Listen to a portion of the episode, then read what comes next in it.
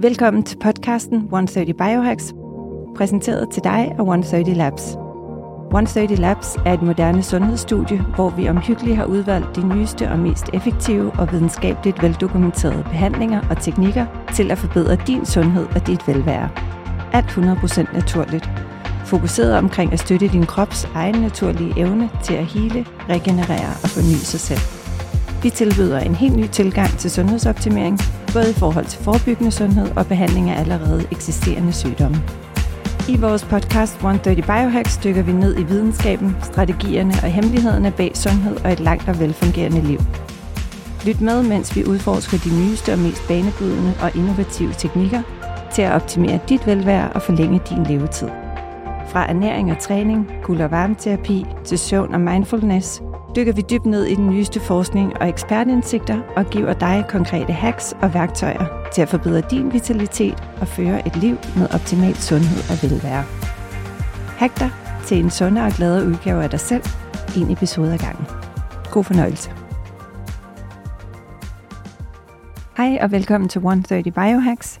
Jeg har i dag fornøjelsen af at byde velkommen til Adam Volden Rettinge. Velkommen til, Adam. Tak skal du have.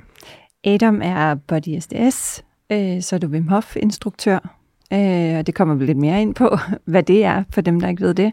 Øh, og har også øh, en del andre øh, titler, tænker jeg, øh, bag dig, men det kan du måske selv uddybe lidt. Mm, det vil jeg gerne, ja. ja. Altså jeg vil sige, jeg ved ikke, om jeg har titler, men jeg har nogle ting, jeg gør. Ja. Øh, jeg laver noget videreuddannelse til øh, kollegaer, altså kropsterapeuter, og så laver jeg øh, forskellige forløb og workshops øh, inden for, nu her på det seneste, noget med testosteron og menopause øh, forløb, øh, enten på egen hånd eller i samarbejde med andre. Så det er sådan, ligesom sådan en bred vifte af interesser, jeg har, som skifter lidt over tid. Ja, og det er også noget af det, vi skal tale ind i i dag. Ja. Netop det her med øh, menopause, ikke kun for kvinder, men øh, jeg tror ikke rigtigt, det har et navn. For mænd har det det, men, men i hvert fald pangdangen til den her overgangsfase, øh, hvor det for mænd så er testosteronniveauet især, der bliver påvirket, men som har mange symptomer, øh, mm. der minder om kvinderne, som jeg forstår det i hvert fald. Ja. Øh, nu har jeg ikke prøvet nogen af delene, skulle jeg til at sige, men taler om med rigtig mange. Ja. Øhm, og det er jo øh, ja, et, et spændende område, som vi kommer til at dykke mere ned i. Ja. Men inden vi, uh, inden vi kaster os over det, så tænker jeg, at det kunne være interessant måske at, at høre lidt om din rejse ind i den her verden, og ja. Ja, din tilgang til sundhed. Og, ja. Ja, ja. Altså min rejse har været lang. Altså man sige, jeg er 56 i dag, ikke? og den har nok startet i virkeligheden, da jeg var 12 år og havde en, øh, en stor rygoperation. Ja, og så øh, havde jeg nogle rygproblemer bagefter. Og da jeg var omkring øh, 18 år, der løb jeg så ind i de mennesker, som så sten, senere startede Body SDS-systemet. Ja. Og dengang hed det Hartung-familien og sådan noget, og var nogen, der behandlede. Det var sådan jeg et, kender historien du i hvert fald. historien. Men okay. det er jeg ikke sikker på, at dem, der lytter med, gør. Så det Nej, men det er jo sådan ligesom, jeg vil sige, det er jo sådan lidt en, på en måde en, en dansk pendant til de her sådan klassiske kinesiske familier, hvor noget sådan et talent eller en viden går i arv, mm. ikke, som man kan høre så meget om ude i Taiwan og, og Hongkong og sådan ja. Den her version, det var så de her, den her familie på Frederiksberg, som så har opdaget, at de havde et talent for at, at behandle folk, altså helt tilbage fra 1950'erne. Så øh, på det tidspunkt der i midten af 80'erne, hvor vi er tilbage, og hvor jeg er omkring 18-19 år, der er det jo så Ole Føli, som mm. er ligesom sige anden generation, og hans søn Erland, mm. eller ikke undskyld, Erland, uh, Andrew, ja. øhm, som er ham, der nu kører det videre, ja. øhm, som, som, som behandlet, og, og det hed ikke Body SDS på det tidspunkt. Men det kort lang var, jeg ligesom kom i kløerne på dem, og så var det bare en revolution for mig. Altså, det, der skete en hel masse i min ryg over nogle behandlinger, og der skete en masse psykiske ting, og en masse følelsesmæssige forløsninger. Mm. Og det, der, der var det vildeste for mig, det var i virkeligheden, at, øh, at Andrew, som jeg gik hos, øh, og han var altså 19 år, jeg var 18. Ikke? ja, så det, det var sådan også, en, ja. den ene knæk, der Egentlig behandler den anden vildt, knæk. ikke? Jamen, Ja. det var vildt, det Ja. var vildt. For jeg var, Ja. jeg var vant til de her sådan alvorlige ældre professorer på Ja. Gentofte Amtssygehus, som det hed dengang. Ikke? Mm. Men øh, øh, altså, jeg kan huske den første session, hvor han ligesom behandlede mig og, og, og, og, og sådan mærkede nogle steder i min krop, og så kunne han sige nogle ret præcise ting om mit forhold, for eksempel til mine forældre, til min mor og min far og min historik og så videre, og nogle meget grundlæggende ting, uden at jeg havde fortalt ham det. Mm. Så han kunne ligesom afkode. Det er så, så det her som kroppen, som sådan en slags åben bibliotek af information, hvis du bare Ja. ja. kendt sproget. Det var, det var mit første møde med det. Og så startede der, hvad skal man sige, sådan en, en intens behandlingsperiode, hvor jeg så øhm, fik ryddet op i en masse ting. Men jeg tror grundlæggende der var jeg hugt. Jeg var bare ikke helt klar over det. Nej. Fordi jeg var på et andet spor og troede, jeg skulle lave film, og jeg rejste til USA og boede tre et halvt år i USA og tog en filmuddannelse og en Ja, okay. masse ting. Ikke? Ja. Og så grundlæggende øh, egentlig 10 år senere, da jeg var i 20'erne, i slutningen af 20'erne, der fandt jeg så ud af, at øh, jeg var, havde været på det forkerte spor. Og det var sådan en ungdomsgrill. Ikke? Mm. Og der passede det så med, at, at, de, øhm, at Andrew og Ole havde besluttet sig for, at nu vil de lave det her til et, et behandlingssystem, som andre kunne lære, hvad skal man sige, uden for det her familie. Mm. De vil have bredt det ud. Og så tænkte jeg, fint nok, jeg var et, et vadested i mit liv, og, og det her var en del af mit liv, og egentlig havde jeg ikke tænkt mig, at jeg skulle være terapeut eller behandler, men jeg ville egentlig bare gerne have den forståelse, fordi jeg vidste, at vi arbejder med mig selv fremover. Så jeg tog uddannelsen, jeg var på det første uddannelseshold, og i løbet af de tre år, der fandt jeg så ud af, at det er det her, jeg vil arbejde med. Og så siden har jeg egentlig ikke kigget mig tilbage. Altså, det, det, jeg gør det stadigvæk nu på 25. år. Ja, det er fascinerende. Så, Dejligt. så jamen, det er dejligt. Og det, og det er jo sjovt, ligesom, fordi jeg kom ligesom bakkende ind i det sådan lidt, og først bagefter fik jeg vendt mig om. Og, Og ligesom sådan, sagt, hov, hov, det var hov, egentlig... det, var, det var det rigtige sted. det var det helt rigtige sted, jeg landede. Ja. Ja. Men det var ikke bevidst. Det var sådan lidt noget af det, der sådan i situationstegn sker. Og så kan man Ja. så sige, om det var for en mening eller ikke. Men altså, det var i hvert fald det, der skete for mig. ja. Og så har jeg jo snuset til en masse andre ting. Altså, jeg har været meget øhm, i mine unge år meget optaget af Stanislav Grof, som er den her tjekkiske øh, amerikanske psykiater, som øh, har hvis man siger, skabt det, der hedder holotropic breathwork, som, Ja. som også ud af det mere eller mindre kommer sådan, øh, det her shamanic breathwork, har jeg indtryk af. Præcis. Øh, som, så han har fascineret mig meget. Jeg bragte en, tilbragte en del tid med ham i Kalifornien og, og andre steder. Øhm, og jeg har snuset en hel del til yoga og været lige ved at blive et yogalærer selv, men sådan altså faktisk var langt ned af en yogauddannelse. Så der har været nogle ting, der også sådan har været i faser og suppleret Ja. min egen, hvad skal man sige, udvikling og min egen selvhelbredelse, altså ved hjælp af nogle, en rigtig en lang række meget kompetente mennesker, ikke? Ja. og så efterhånden også blive i stand til selv at hjælpe mennesker. Øhm, og det seneste, hvad skal man sige, men, men den røde tråd har været body SDS, og det, det seneste sådan virkelig add-on, det har været Wim Hof method, ja. ikke? som er sådan nogle år tilbage nu for mig. Men øhm, Og for dem, der ikke ved det, er det en, åndedrætsuddannelse på pænt dansk. Breathwork. En, ånde, en åndedræt igen, der har du igen åndedrættet, Ja. men også med kuldetræning. Lige præcis. Og det er et hollandsk system, som så Ja. skabte ham her, hollænderen Wim Hof. Ikke? Ja. Og det, øhm, grunden til, at jeg gjorde det, det var, fordi jeg har været, altid været sygt hunde, hvad hedder det, øh, kulde, Ja. ja. skræk, altså kuldefobisk nærmest, ikke? Og så på et tidspunkt, vi er simpelthen ikke have det mere, ikke?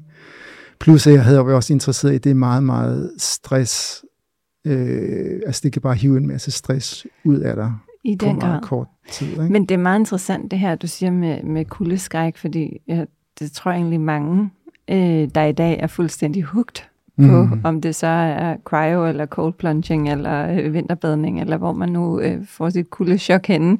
ja. Men, men øh, mange har faktisk haft den der sådan, det må jeg indrømme, det var ikke, fordi jeg hoppede øh, i havet hver anden dag, inden Nej. jeg begyndte. Nej, Så det, det er jo meget fascinerende, og i dag kan jeg slet ikke leve uden. Altså, præcis, præcis. så det, man bliver, øhm, man bliver virkelig hugt, og man opbygger en kæmpe resiliens. Du oplever kulden på en helt anden måde. Det er også det, der er så interessant, og Wim Hof øh, har jo også bestedet af det Mount Everest. Han er gået op i shorts for flere, at bevæge Flere gange. Ja, ja, det her med, at, at hvor meget der er i vores mindset, ja. og hvor meget vi rent fysisk kan håndtere, og så ja, så er der forskel på os, og nogen har selvfølgelig mere stamina end andre, og stærkere og så videre, men grundlæggende set, så kan vi i hvert fald langt mere, end vi tror. Ja, præcis. Og, det er jo at det her med, at åndedræt og det at lave kuldetræning, mm. faktisk kan øge vores resiliens, ikke kun over for kulden eller åndedrættet, men over for en hel masse ting i livet. Det, mm. det synes jeg har været sådan en, en kæmpe åbenbaring, øh, mm. øh, og et fantastisk værktøj, og meget, meget fascinerende. Ikke? Jamen helt enig, altså det smitter jo af. Altså hvis du ligesom først har overvundet nogle indbildte, grundlæggende indbildte mm. barriere i et, på et område af dit liv, jamen så kan du lige så godt overføre det til andre. Ikke? Jo. Og det er selvfølgelig ikke sådan en til en, og sker fra den ene dag til den anden, men princippet er i gang. Og det er jo også altså, super fascinerende og super anvendeligt i ens liv. Lige præcis. Jo, men jeg tror også, altså, hvis man taler med psykologer og forskellige typer terapeuter, og det her med at sige, hvis, hvis folk har en angst eller en fobi, eller mm. hvad man nu vil kalde det, øh, at, at den bedste måde at kurere det på, er jo som regel faktisk at i kontrolleret form mm. pusse sin grænse stille og roligt, og prøve at sige, okay, hvis jeg virkelig øh, stresser over det her, men hvad hvis jeg så mm. stille og roligt kontrolleret form prøver at udsætte mig selv for lidt af det? Har jeg højdeskræk, jamen så prøver jeg at bevæge mig ud og finde ud af, at der skete faktisk ikke noget. Jeg døde ikke, og det er fuldstændig det samme med kulde, eller Præcis, ja, fasting, ja. eller um, breath hold, eller hvad det nu kan være, som, ja. som laver den her sådan positive små stress, stress øh, elementer i vores liv. Ikke? Ja. Ja, enten, enten inden for det, du er bange for, eller noget lignende. Ikke? Jo. Fordi så igen, hvis du bare får den der erfaring af, at du kan mere, end du tror, ikke? og du får adgang til de der ressourcer, jamen, så kan du så skifte spor over på det, som virkelig Ja, og, og, og igen, nu, nu det har sagt med en kæmpe disclaimer, for ja. der er også, ja. Altså, ja, der er mange forskellige situationer og traumer og til, årsager til, at man kan have angst og frygt, så, så det skal ikke for at sidde og lyde, som om alt bare lige kan kureres nej, nej, nej, nej, nej. Øh, men, men, øh, men, men der er stadigvæk i hvert fald mange ting, som man vil opleve, måske bliver lidt nemmere, øh, også i en helt anden kontekst, hvor du tænker, Hov, hvorfor kan jeg lige pludselig ja. håndtere det her nu? Nå, ja. det er måske fordi, jeg faktisk bare generelt har er, ja, fået den her lidt øget modstandsstyrke øh, eller resiliens. Ja, ja. Det er det. Ja. Så, så det er ligesom at få en nøgle til ens øh, ja, altså indre ro og livskraft og overskud, ikke? Um. Ja, fordi hvordan, kom, hvordan stødte du ind i Wim, Wim Hof? Nu, man kan sige, han, han er jo øh, ret nem at støde ind i det i altså, mange steder, ja. men ja. Jamen altså, jeg havde egentlig, jeg, altså, jeg havde nok hørt om ham gennem mit, mine kollegaer og sådan noget, ja. syv-otte år før. Fordi jeg ligesom, du ved, jeg som behandler, så færdig jeg jo i sådan et miljø, ikke, hvor folk gør alt muligt hele tiden. Øhm, men det der med kulden, altså, det, det var det, der fik mig til at gå udenom det. For jeg tænkte sådan, det kan godt være, det er så godt mod stress og alt muligt, ja. men jeg skal altså ikke ned i et isbad eller noget. Ikke? Og, så, okay. og så var det faktisk, at så havde jeg en, en for nogle år tilbage, sådan en meget, meget presset øh, periode i mit liv. I sådan det meste af et år, hvor jeg virkelig havde ryggen mod muren øh, stressmæssigt. Mm. Og så var det det, der bagefter sagde, okay, jeg, jeg, jeg vil lære noget, som er så dokumenteret effektivt med stress. Fordi, ja. du ved, som Body SDS, Body SDS er et fantastisk system til at, at hvad skal man sige, forebygge stress og kurere stress helt eminent til det, men du har brug for, at der er en eller anden, der behandler dig. Du skal mm. have et eller andet, en aftale at lægge dig op på en brix et sted. Ja. Eller du skal bruge nogle af de træningsformer, der er. Så, men, så, men at have noget, du kan gøre på egen hånd, autonomt, Præcis. og sådan mere eller mindre øjeblikkeligt. Ikke? Det var det, der tiltrak mig. Til, til, jeg tiltrak ja. mig. Og så hoppede jeg så bare ud i det og var meget... Øh, sige, at jeg hoppede sgu ikke ud. Jeg gik med meget, med meget små skridt ind i det, ikke? Ja. og med meget stor øh, tålmodighed, ikke? fordi det var virkelig en hurdle. Men, men det, og det altså. tror jeg virkelig øh, stor fed streg under det, du lige sagde, fordi det er ja. jo faktisk rigtig vigtigt, tror jeg, at mange skal huske det der det er helt okay. Man behøver ikke øh, Nej. forvente af sig selv, at man kan hoppe ud og sidde tre minutter Præcis. og øh, i minus øh, stiv ja. cooling og, og vand, der er 5 grader varmt. Ikke? Og det er sikkert ikke engang en god idé, hvis du ikke er, er klimatiseret til det. Så Præcis. kan det faktisk være en lidt dårlig idé i virkeligheden. Ikke? Jo.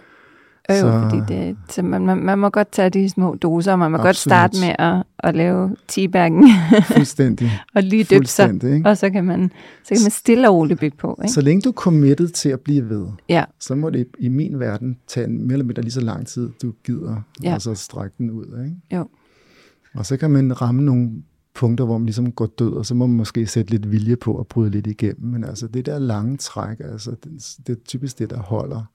Ja. Og så sådan hele tiden få de der små sejre, integrere det, og så vågner du op en dag. Øhm, altså for mig var det sådan, jeg kan huske den første isvinter her for nogle år siden, hvor du skal lige, du skal lige det der, have det billede af mig som sådan en, der næsten ikke gik i vand i mm. august måned i Danmark, fordi det var for koldt. Ikke? ja. Så, så, så der den her sådan helt episke søndag isvinter i februar for nogle år siden, hvor jeg så sådan ser mig selv nærmest gå ned af, ud på den her frosne is på Øresund med en stor økse, mm. og gå ned til vores badebro, og så hugge et hul i isen, og hive de der isstykker op, og så hoppe ned og sidde i det der is. Øhm, og der er så altså mennesker, der går søndagstur, fordi det er sådan en, en guddommelig smuk søndags øh, ja. vinterdag. Ikke? Og de stiller sig op og, og filmer mig og sådan noget, så sidder nede i det der ishul. Tænker, hvad lever galningen? Fuldstændig, og jeg tænkte, og det var bare sådan, det var bare det der øjeblik, hvor jeg gik op for mig, altså, du ved, jeg plejer at sige til min, også min egen kursister, altså, hvis, hvis nogen havde sagt, før jeg startede på den her Wim Hof øh, vej, at, at jeg ville gøre det et, et mm. år senere, eller et par år senere, så ville jeg sagt, det var, vi var mere sandsynligt, at at jeg vil kunne lære at flyve ved at baske hårdt med armene. altså, jeg vil finde det mere overbevisende og mere okay, plausibelt. Det, det, var ikke, det var ikke mange uh, Nej, virkelig, chancer, så, du gav den. det var virkelig... Ja. Og, der, og derfor var det jo så også tilsvarende fedt, altså da jeg så sad ja. i det der ishul. Altså ishul, det var bare sådan et øjeblik, ikke? men mm. bare det, det, det har givet, og det, det stadigvæk giver, øhm, ja. det, ja. det har bare været uvurderligt. Det er det, og det er virkelig en... Øhm jeg synes, for mig er det også, det er en kæmpe gave at give mm. sig selv ja. det værktøj. Ja. Og jeg synes, for mig er det uden sammenligning, det, der har haft allerstørst impact. Mm. Og der findes rigtig mange fantastiske værktøjer, der er mange ting, man kan gøre. Mm. For mig har kulden virkelig sådan, øh, ja. Ja, og, det... og igen, det er jo også individuelt, og det behøver ikke være det samme for dig, eller for jer, der lytter med, men, men, men det er sådan en, også fordi du kan gøre det. Ja relativt let tilgængelig mange steder i den ene eller anden eller den tredje form. Ja. Og når du først finder ud af, hvor meget godt det gør for dig, både mentalt og fysisk, og for dit immunforsvar, og for en hel masse andre ting, ja. så er det bare sådan, altså, og netop også den her stresshåndtering, som jeg også har haft en, ja. en del af i mit liv de senere år. Øhm, så det er bare helt uundværligt. Ja, det er det, det er en gave. Ja. Det er det virkelig. Men nu kom vi ned ad en meget lang vej, der handlede om ja, kulde ja, og åndedræt. Det, det, det gør heller ikke noget, fordi den hænger jo faktisk også rigtig meget sammen med noget af det, som jeg gerne vil tale med dig og dykke lidt ind om det her med. Mm. Øhm, på et eller andet tidspunkt midtvejs i livet, eller hvad vi nu skal kalde det, jamen mm. så uanset om vi er mand eller kvinde, så sker der nogle hormonelle forandringer, mm. og der sker nogle ting i vores krop, der sker nogle ting mentalt, mm. som stadigvæk er enormt tabubelagt, og så er jeg lidt ligeglad med, hvad vi kalder det. Mm. ja, om, for kvinder er det jo så overgangsalder eller menopause, men, men også det her, for mig var der sådan en eye-opener i at forstå, at en menopause, ja fint nok, det er måske et år, mm. halvandet, to, men der ligger også 10 år forud, ja, ja, som, ja. som virkelig øh, også begynder at kunne have impact og have nogle små symptomer, ja. som jeg aldrig havde hørt om, og ja. som måske havde været rare at vide for mange, når de fylder 40 og siger, okay, mm. det er ikke mhm. helt unormalt, hvis du faktisk begynder nu at opleve, at din søvn bliver lidt dårligere, og du kan måske også på, påvirke din humør. Og jeg tror, vægten er nok det, kvinder har været mest bevidste om, begynder mm. at ændre sig, men, mm, ja. eller ens forbrænding. Men, øh, men det her med ligesom at sige, okay, hvad er det, der sker? Hvorfor sker det? Og, og hvad kan man så gøre? Ja. for måske at reducere de her symptomer, eller hvad, kan, hvad er det for nogle ting, man ikke bør undgå, som fueler dem. Øh, og, og det jeg oplever nu, sådan, når jeg dykker lidt mere ned i det, det er jo, at der sker jo rigtig mange tilsvarende ting som mand. Ja. Men altså, hvis vi starter med mændene lidt, ja. kan man sige, fordi altså, det, er jo, det er jo netop, vi er jo ligesom blevet klar over de senere år eller årtier, at mændene har også deres, hvad skal man sige, overgangsalder. Ikke? Jo. Den er nok den er lidt mindre dramatisk end kvinders, kan man sige. Ikke? Øhm, det er lidt et større skift at gå fra at kunne lave men- andre mennesker, og ikke at kunne lave andre mennesker. Ikke? Der er nogle ting der, som selvfølgelig også går meget ind på psyken og identitet og så videre, så videre udover hvad Absolut. der ellers sker med hedetøser. Ja. Men med mænd, altså der er det jo mere den der midtvejskrise og, og, og øh, nedadgående sådan kurve, hvor, øhm, hvor humøret begynder typisk at dale, og energien daler, og overskud daler, og kropsvægten øger sig, og, og øhm, øhm, det kan også være selvfølgelig en, en, en, også ligesom kvinder en, en, en del af et, et sted i livet, hvor, hvor man ligesom må stoppe op og sige, hvor, hvilken vej har jeg været på, og er det den rigtige vej, hvad, skal man sige, hvad har jeg opnået, for nu at tale mm. sådan et mandesprog, ikke? Ja. Og det kan jo være alt muligt. Det kan være, om man har fået nogle børn, eller ikke har fået nogle børn, om man laver noget, som giver mening, om man har gode venner, eller om man bor på det rigtige, altså i den rigtige miljø, ja. om man bor på landet, eller alt muligt, ikke? Men ligesom at sige, du ved, at, at nu, nu er vi måske halvvejs, så det er i hvert fald sådan tid til måske et, et grundigere eftersyn på, hvad man egentlig har brugt sit liv på indtil videre, ikke? Ja. Jeg vil sige, det der med testosteron og den mandlige overgangsalder, altså vil sige, det er jo ikke sådan super dramatisk. Altså testosteronniveauet daler jo sådan cirka 1% om året. Ikke? Så jeg vil sige, for mig at se, at især med mænd, til et vis grad med kvinder, men også især med mændene, der er det mindre en funktion af alder, som det er en funktion af livsstil.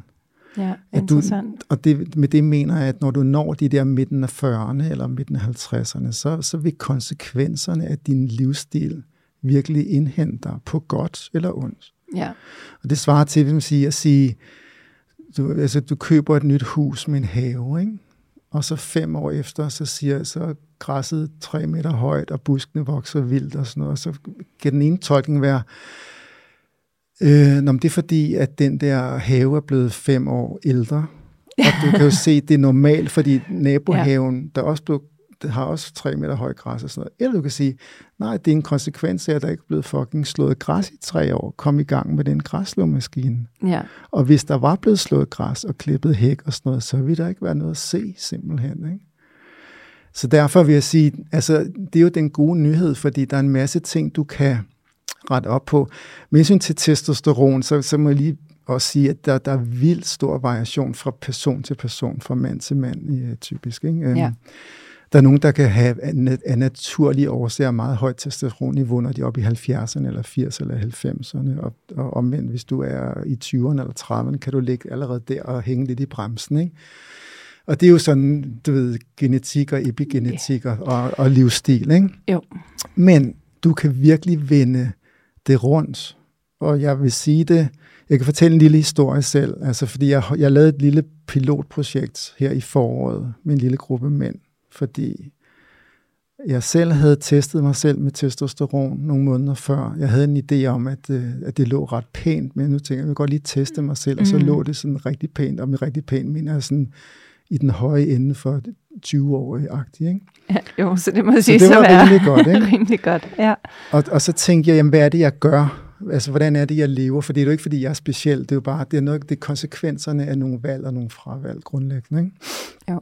Så, så det, jeg gjorde, det var, at jeg sådan analyserede det, og så satte jeg et lille sådan 10-15 minutters program sammen, og så skaffede en lille gruppe på en 4-5 mænd i den der alder, sådan midt 40 til midt 50, og så, mm-hmm. så skulle de lave nogle bestemte enkle ting i 10 minutter om dagen i fire uger. Hvilket er må sige at være til at overkomme, tænker Absolut, jeg selv for de det, fleste. Ikke? Præcis, og det var med vilje. Ja. Altså, det skulle bare kunne flettes ind i en travl hverdag. Ikke? Ja. Og så var der lige nogle ekstra ting, de kunne gøre. Men grundlæggende skulle de lave noget i 10-12 minutter hver dag, og så var der lige lidt med nogle kosttilskud og nogle ting. Men det var meget simpelt. Ikke? Ja. Og så målte vi dem testosteronniveau før, frit testosteronniveau før, og, og så efter de der fire uger. Ikke? Og den, hvad skal man sige, den laveste forbedring var 32 procent. og den, den bedste forbedring var over 200 procent. Og det er med 10-15 minutter om dagen i en måned? Ja. fire Ja. uger. Ikke? Wow. Så det siger bare, hvor, hvor plastisk systemet er. Og det er derfor, jeg siger, lad være med at hænge så meget i din alder. Altså kig på, Ja, kig, kig på niveauerne kig måske. på niveauerne, og så se på, hvad der kunne gøres. Ikke? Ja.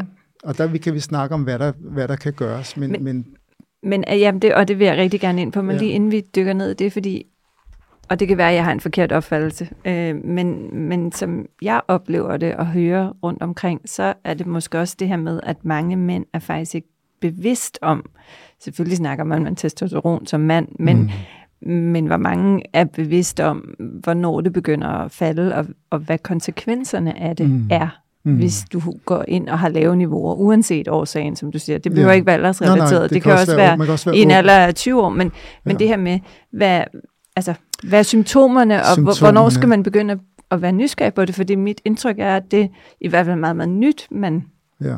i måske øh, ikke i behandlerkredse, men sådan i en almen bestemt, ja, ja. øh, kontekst taler ind i det. Jamen altså, hvad skal man sige, no- noget af det, som også interesserer mig mest med, med testosteron, og især når der er lave, lave øhm, øh, niveauer, eller for lave niveauer, ikke? Altså det, det, det gør for eksempel, at du, lad os tage den, den positive vinkel. Hvis du har fornuftige niveauer af, af testosteron, så er du grundlæggende mere robust over for stress. Mm. Altså du kan klare flere stressende situationer, uden at som sige, blive stresset, så at sige. Og meget forbundet med det også, du har en større buffer over for angst. Ja, okay. Så det vil sige, hvis din testosteronniveau daler, så vil du blive mere psykisk sårbar. Og det gælder både på generelt øh, alle mulige ting, men især også på angst. Det synes jeg er ret Interessant, vigtigt. meget ja. interessant. Ikke? Ja, absolut.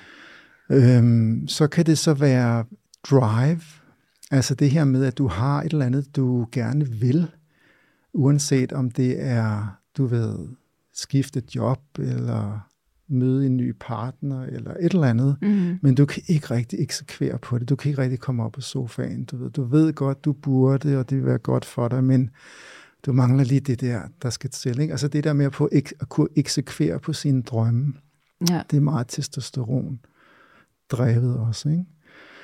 Og så øhm, også en testosteron ting, øhm, en karakteristika, det er, at du faktisk kan lide at gøre en indsats. Og det kan være alt muligt fra træning til færdiggøre et projekt, eller lave et eller andet fantastisk med dine Mm. venner, eller sådan noget. Men ligesom, at, øhm, at øh, og nu tabte jeg lige tråden. Det? Nå, men at, at testosteronen, at den ligesom, at den giver dig den der lyst til at færdiggøre, altså at de faktisk påvirker din, altså, eller, ja, jeg ved ikke om færdiggør var det helt rigtige ord, men øh, Ja, altså Ja. i hvert fald, at, at hvad skal man sige, at, at øhm, nej, undskyld, at gøre en indsats. Det var Ja, det, gør det, en indsats, fra. sorry, Gør det en var det, du- indsats. Ja, gør det var ordet, Ja, ja. gør en indsats. Ja. Også selvom den indsats i nogle øh, perioder kan være krævende, eller måske decideret ubehagelig. mm, Så det der med at kunne gå ind måske i en, i en ubehagelig situation, og gå igennem den, fordi du har et formål med Ja. det, den evne har også med testosteron at gøre. Så, øhm, og også, hvad skal man sige, risikovillighed, øhm, at man ligesom, altså tager, er mere villig til at tage chancer, forhåbentlig ikke dumme chancer, men, men du ved, altså, ja, sådan ligesom lige våge næsen en gang imellem, og ikke være sådan super bekymret, eller gå rundt om den varme grød otte gange, eller sådan Bare sige, man nu- må godt lidt ud af sin comfort zone Præcis, ikke? og så sådan ligesom lave et eller andet kvalificeret skud efter et eller andet. Ikke? Det er også meget testosteron. Ikke? Så med andre ord, det har rigtig meget at gøre med psykisk velbefindende, psykisk robusthed, livsglæde, livsevne, øh, overskud. Og, og, og øhm, Det lyder jo øh, meget, meget vigtigt, når du det jo. fremlægger det på den her måde, fordi ja, det, det det. Altså, og, og, og det var en anden ting, og igen, stor disclaimer, det er ikke noget kliniske studie, jeg sidder og taler om, men bare sådan øh, lidt erfaring af, hvad man hører rundt omkring. Mm. Øh, at der også har været en eller anden tendens til, at der er en, en række mænd, der er netop i den her 45-55, men i, i den her øh, aldersgruppe bliver fejldiagnostiseret og får antidepressiver og, og ligesom bliver kategoriseret. Du har en depression. Lidt ja. tilbage til alt det, du netop nu nævner, ikke? Altså, gået lidt i stå, ikke, kan ikke rigtig tage sig sammen, og ja. øh, er ikke rigtig glad. Nej, mister gejsten. Og, ja. og selvfølgelig også, det, det er jo klart, når vi tester, tæller testosteron og kønshormoner, så er der også noget med sexlyst og sexevne ja. og rejsning og alt sådan noget. Det følger jo også med. Altså, øhm, jeg vil sige, et eller andet sted i min verden, det, det er egentlig, altså det er selvfølgelig også interessant, men, men det er bare et, et aspekt, altså der er sådan et, et spektrum af ting, mm. som handler om et godt liv, ikke? Ja. Og at sige, hvis du er et parforhold, så altså det kan også være tricky at sige, om det er testosteron, der gør det, eller om dit parforhold er træt, hvis du forstår. Ja, ja, der kan, der være, kan mange, være mange der elementer. Kan være mange ja. i, at, at, men, du ved, ikke? Så. Men igen, nysgerrigheden på måske, at, have, at, at det faktisk er en helt ny vej at kigge for mange. Ja, ja. At sige, hov, det kunne også være testosteronniveauet. Og det samme også, hvis man står og har følelsen af, at man er sådan lidt... Øh, ja. lidt halvtung og, og måske depressiv, ja. Jamen, kunne det være, at man skulle kigge på hormonerne, og, mm. Og ikke bare hoppe på antidepressiverne. Præcis. Og igen, det bliver meget forsimplet, men, men jeg tror også bare, øhm, jeg synes det spændende i det er, mm. at det der med at kunne være nysgerrig på at sige, okay, mm. det er relativt simpelt at teste sine men prøv at høre, jeg, jeg, jeg, og, og ligesom ja. prøve at kigge på, jamen, hvor kunne der være nogle svar der? Præcis. Jeg, jeg er en stor fan af simple ting, fordi Altså, hvis noget er simpelt, så kan man sige, så, så kan man pludselig lave en linje, man kan skære igennem, og, og så kan man eksekvere på det, eller lave en handling. Ikke? Ja. Så kunsten er jo ikke ligesom at holde det, alting kompliceret, men man skal sige, altså, filtrere igennem alle de der forskellige muligheder og information, og så ende med noget simpelt. Præcis. Enten med altså et eller andet, du kan putte på øh, en bomberstikker ikke? Og, så, og, så, ja. og så en tilsvarende simpel handling. Ja. Altså det er det, det, er det der, der kan bruges i dagligdagen. Ikke? Ja. Så jeg synes ikke, man skal være bange for noget simpelt, øh, så længe det er velresearchet og gennemprøvet af andre og så videre. Ikke? Præcis. Så skal det helst være simpelt i virkeligheden. Ja, det, det gør jo i hvert fald sandsynligheden for, at man, man rent faktisk kan eksekvere på det. Præcis. Og øh, lykkes med at få det indarbejdet Præcis. Øh, i Præcis. sin dagligdag. Ja. Men det kunne være, at det var øh, kludet til at, at dykke lidt ned i, hvad er det så, man kan gøre? Mm. Øh, hvis man oplever nogle af de ting, du har siddet og nævnt her, ja. øh, hvad, hvad kan man så naturligt gøre for ligesom at øge testosteronniveauet? Du var lidt inde på det før. Du kan gøre en, en masse ting, som er meget simple. Uh, måske allerhøjst op, det er god søvn. Eller hvad skal man sige, måske mere virkelig en god vejrtrækning. Mm. Altså det vil sige gennem næsen. Uh, er vi og ude i at noget plaster for munden? Det kan faktisk være en ja, rigtig god idé. det bliver der jo tænkt meget om lige i disse tider. Men ja, ja. netop, ikke? og med James Nestor, som snart kommer mm. til Danmark og alt muligt. Ikke? Mm.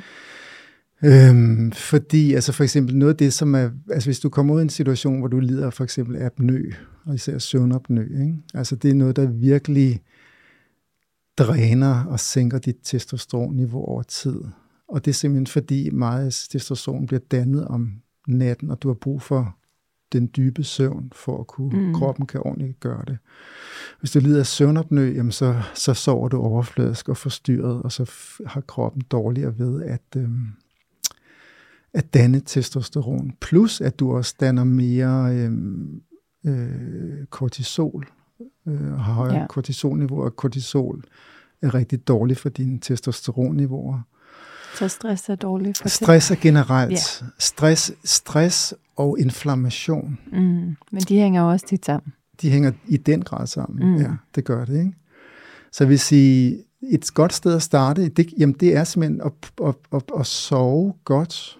Altså følg de der sædvanlige søvnråd, mm. som jeg tror, at de fleste har hørt noget om. Og ja, så, øh, ellers så kan I finde rigtig mange af dem her på podcasten i præcis, hvert fald. præcis, ja, ja, der kom lige the advertising fint, fint, fint. moment, ja. men ja, det er...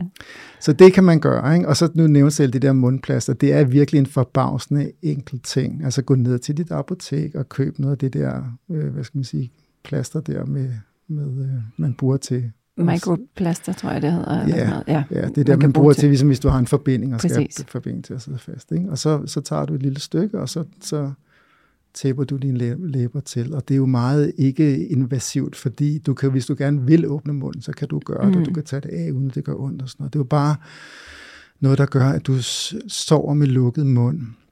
Og det vil sige, at du sandsynligvis undgår apnø, plus at du jo også øhm, får meget mere ilt ud af din, den luft, øh, Fordi hvis du trækker vejret, så, så passerer luften ind gennem dine, øh, hvad skal man sige, altså bihuler og mm. pandehule især, ikke? hvor det bliver blandet af det her, der hedder på engelsk, det nitrix oxide, jeg kan sgu ikke huske, hvad det hedder på dansk, men altså det er jo sådan en gasart, det er lidt mm. vildt, det er en gasart, din krop producerer inde i pandehulen, og så blander det med ilten, og så kommer den ned, og den, den, den gasart stimulerer dit lungevæv til at kunne optage omkring 20% mere ilt. Ikke? Ja. Så det vil sige, at bare ved at ændre vejen fra næse til mund, jamen, så får du mere ilt, og du får mindre CO2, og du får mindre kortisol, og du sover bedre, og du bliver mere restitueret, og du får skaber et fundament for, at din krop kan vedligeholde, eller måske endda stige i testosteron. Ikke? Jo. Det er en stor ting. En anden ting, det var så det her med inflammation. Og inflammation har jo selvfølgelig rigtig meget at gøre med kost, men det har også rigtig meget, meget at gøre med, med, øhm, med øh, stress. Præcis. Så øhm, alt, hvad der ligesom kan, kan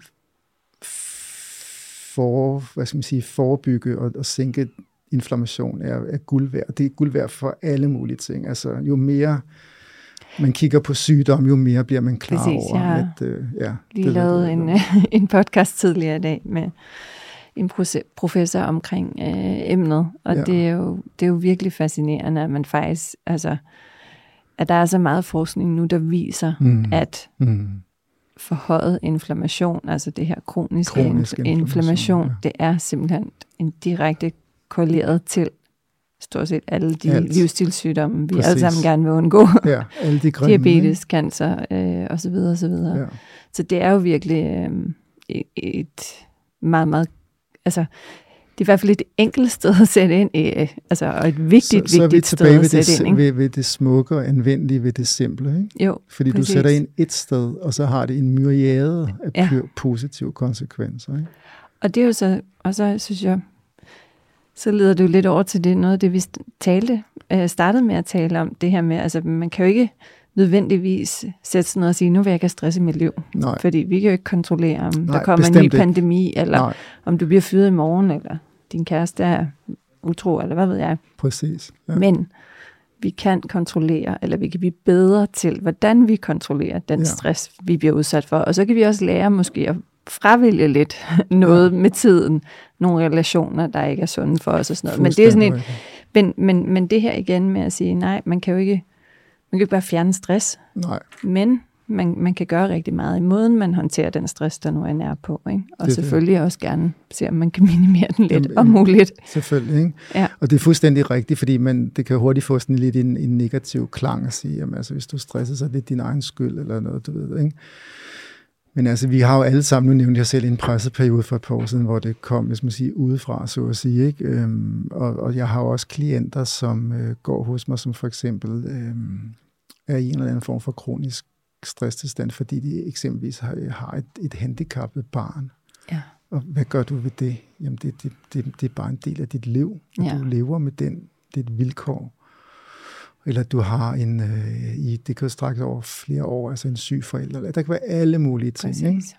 Så, men det, det, jeg vil påstå, det er, det jeg, jeg synes, at vi alle sammen skylder os selv, det er seriøst at lære en eller to virkelig effektive stressforbyggende metoder, så vi har det i vores værktøjskasse den dag, det bliver nødvendigt. Ja. Og prioritere det på samme måde som et eller andet på din karrierestige, eller et eller andet omkring at få et tilbygning til dit hus, eller et eller andet, eller et nyt køkken. Og jeg ved godt, der vil folk jo nok rive sig i hovedet og sige, ja, det er jo det er rimelig nedladende at sige det, men jeg vil sige, hvis jeg ser på, hvor meget energi folk bruger på et nyt køkken, og, og sådan nogle ting, og ofte hvor lidt energi de bruger på virkelig bare at investere måske en måned af deres liv, ja. og, og et ekstra antal tusind kroner på at lære et eller andet system. Det kunne være Wim Hof-systemet, mm. det kunne være noget andet. Og så har de det for resten af livet. Så synes jeg tit, at prioriteringen er skæv. Ja. Det kan du godt forlange dig selv. Og det vil være en god, en god investering. Ikke? Meget enig, og så tror jeg også, at, at det, som jeg synes, der er så interessant ved det, der sker i de her år, også med forskningen og dokumentationen af mange af de her værktøjer, mm. det er, at, at jeg havde i hvert fald selv, inden jeg trådte ind i den her verden, sådan en idé om, om så skulle man sætte sig ned og meditere en time, eller mm. så skulle, altså du ved, det blev sådan noget lidt farfetched og meget svært at se mig selv i, ja. sådan, øh, ja. med, med, med mit øvrige arbejdspres og øh, meget travle øh, hverdag. Så det der med at finde ud af, okay, men der er jo forskellige veje ind i det, og der er forskellige værktøjer. For mig var det så, som vi talte om tidligere, for mig var det kulden. Ja. For mig var det altså de her tre minutter ja. i, øh, i minus 130 graders kold luft, som bare blev min altså go-to, og, og virkelig hjalp med at balancere mine stressniveauer i en ja. periode. Og nu bruger jeg det af alle mulige år, så er også præventivt, kan ja, man sige. Ikke? Men, ja. øh, og når jeg ikke kan lave cryo, så hopper jeg i havet, og, og worst case, hvis jeg heller ikke har koldt vand i havet, så er der en kold bruser. Mm. Jeg synes, det er svært at få helt den samme intensive effekt, men den giver stadigvæk en effekt. Og, det er jo, mm. altså, og så lige pludselig, så er jeg begyndt at faktisk kunne inkorporere nogle andre ting, og meditationen er også blevet lidt nemmere. Mm. Men, men for mange kan det måske være sådan, især hvis du er stresset, mm. et meget, meget svært sted at starte. For du bliver nærmest stresset, at jeg skulle prøve at sidde stille, ikke? jo, det er det. det, er det ikke? Der, er mange, der, er mange, der, der er mange ting, der er forbavsende nemme. Jeg tror, det er på tide, at du møder min seneste kærlighed, ja. som er en mælkesyrebakterie, mm. som hedder Reuteri. Ja. Lactobacillus reuteri. Den er vild. Den her, den er blevet researchet ret godt i løbet af de sidste 20-30 år, og man ved, apropos nogle af de ting, du har nævnt tidligere, det er, at hvis du får den i din kost i sådan en vis mængde, så øh, sænker den vægt, øger forbrænding, øh, øger din evne til at danne muskelmasse. Ja, også vigtigt. Øh, øger din evne til at vedligeholde din øh, knoglemasse, apropos overgangsand og så videre. Ikke? Mm.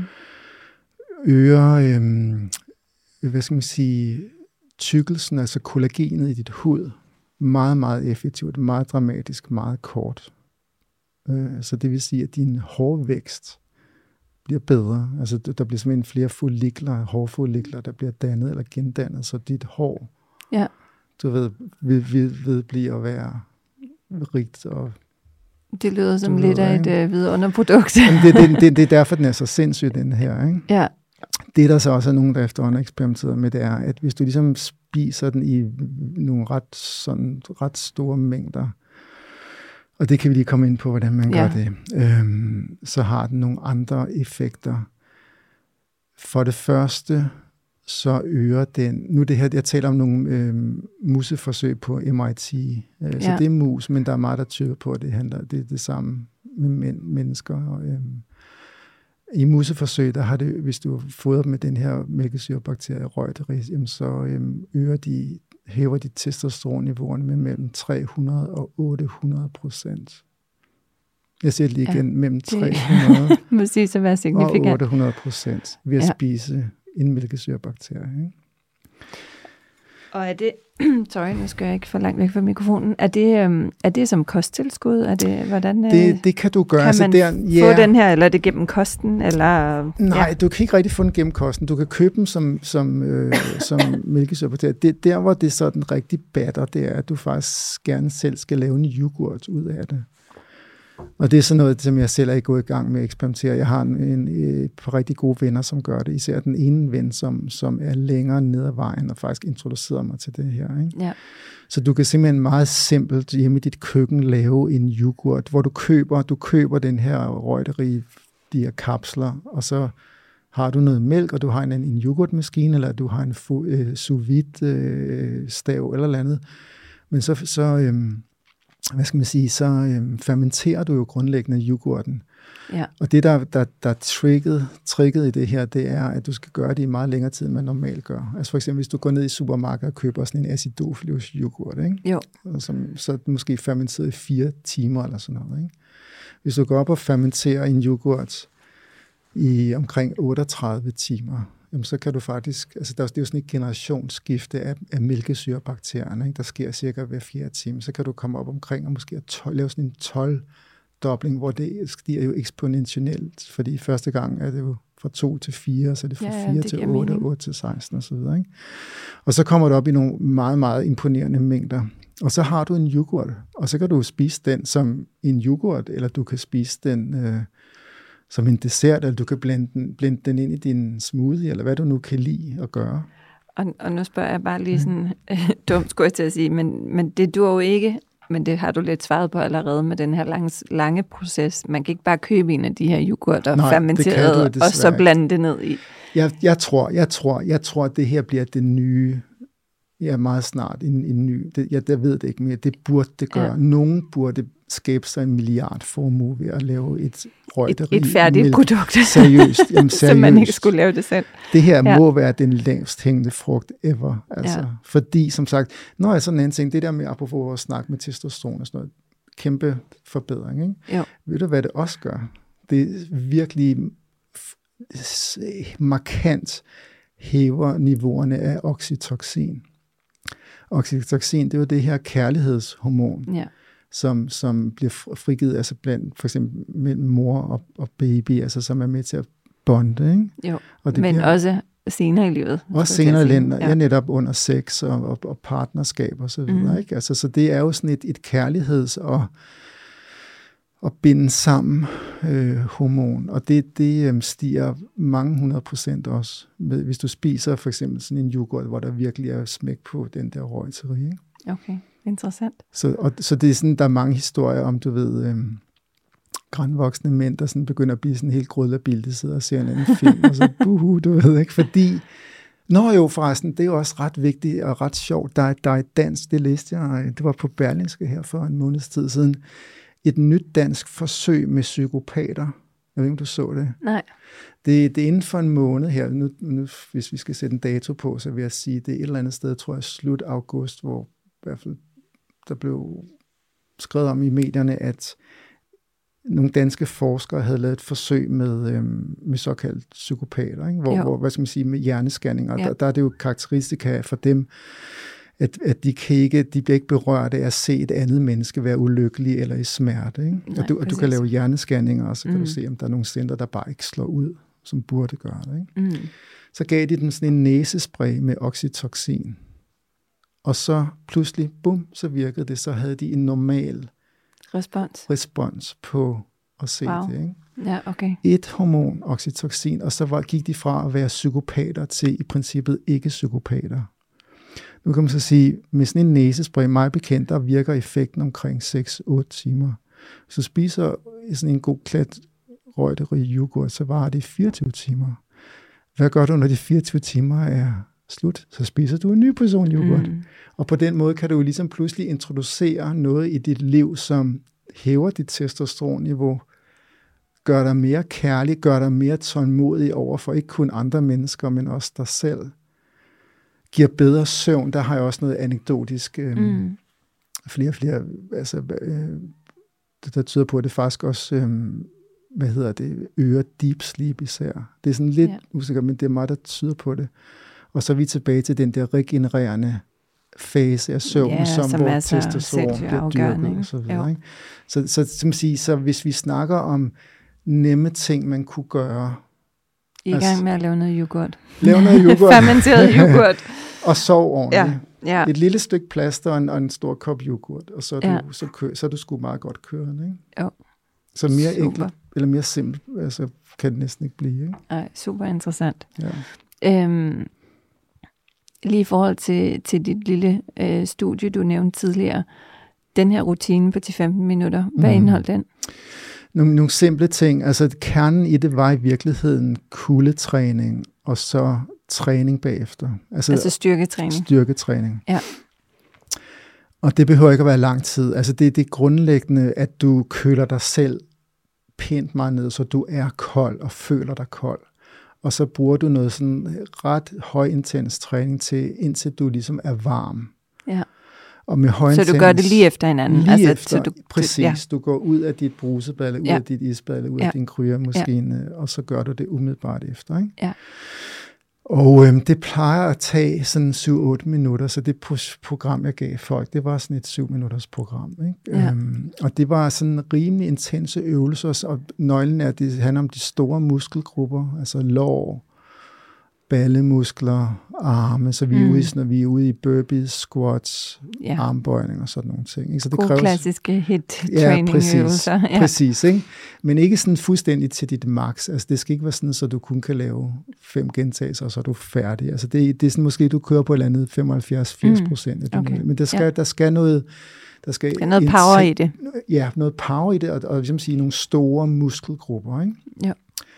Og så træner du dig varm. Og det, det, det øhm, er også mere og mere, hvad skal man sige, jeg vil ikke sige, der er evidens, jeg ved ikke, hvor meget forskning der er, men der er virkelig meget anekdotisk, øh, der backer op omkring, at, øh, at, øh, at det virkelig booster testosteron, og det har været min egen oplevelse, har været en af de ting, jeg selv har gjort, tror jeg, for mit testosteronniveau. Ikke?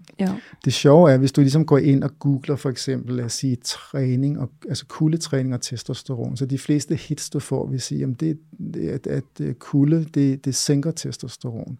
Okay. Men det er fordi, normalt gør man det jo omvendt. Så træner du, og så mm. går du ned og tager et koldt brusbad, fordi det hæmmer inflammation, og så bliver du restitueret hurtigere. Det er den Ja. klassiske måde, og det sænker testosteron. Hvis du vender den om, og først går i kulden, bliver kølet ned, og så træner. Okay, det er jo super interessant. Det er det. En lille ting, men meget, meget væsentlig jo. Så. Det er jo det er de samme elementer, Ja. de bare vendt Ja. ja. om Ja. i rækkefølge. Det er Ja. igen det der, der er så... Altså, det er tilbage med det simple, ikke? Men jeg tænker også, her må der jo også være noget i forhold til, fordi kulde er for eksempel også noget, der hjælper på ens søvn. Ja, præcis. Øh, og træning også. Ja. Men der er jo også lidt det her, var det om morgenen så?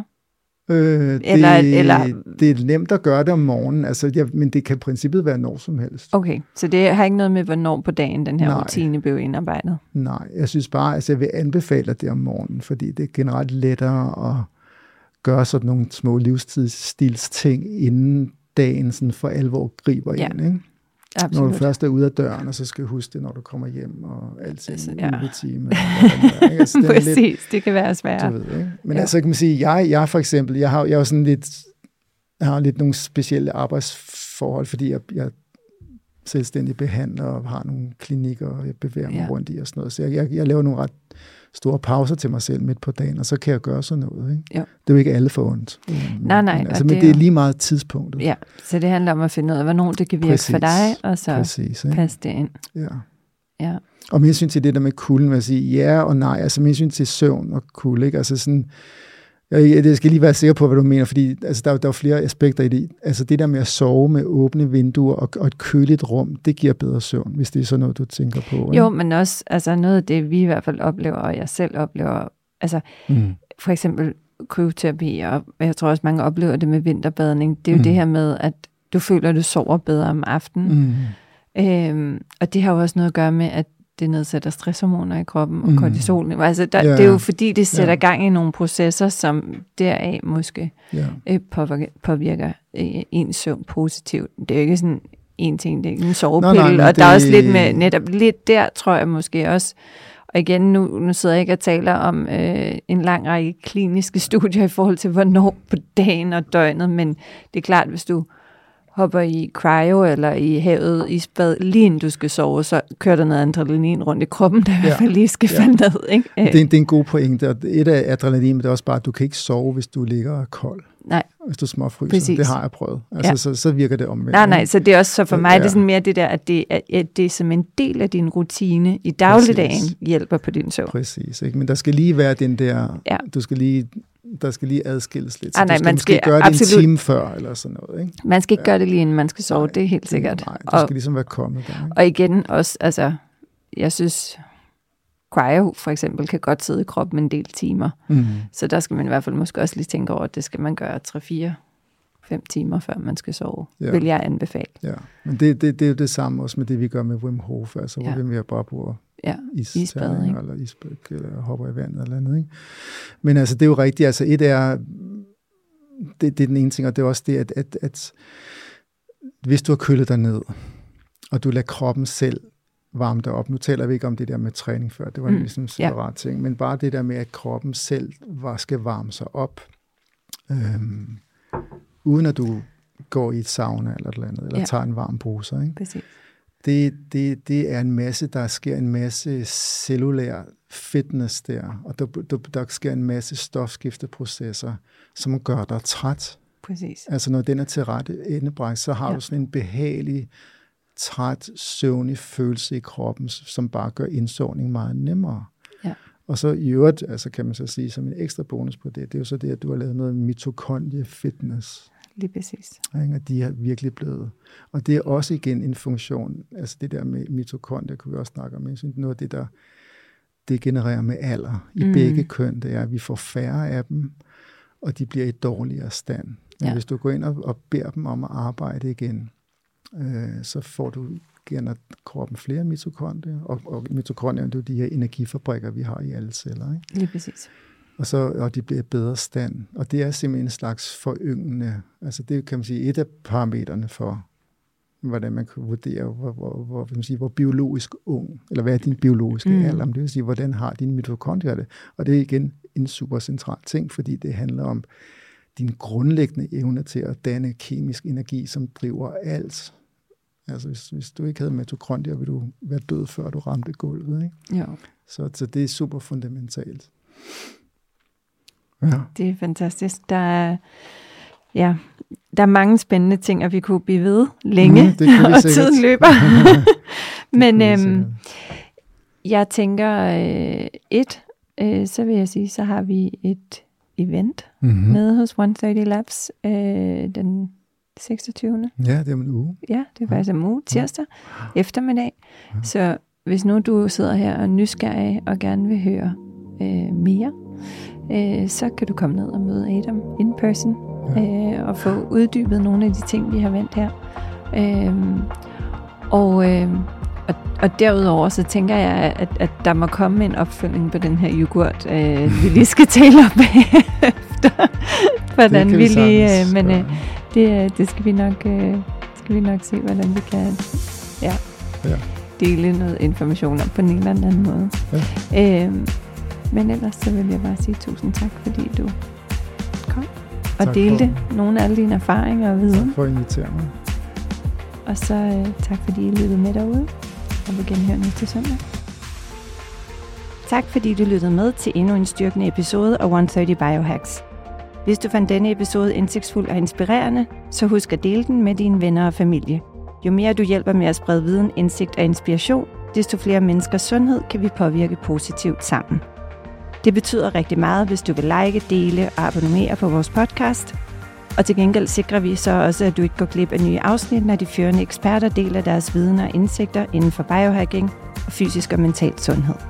På genhør.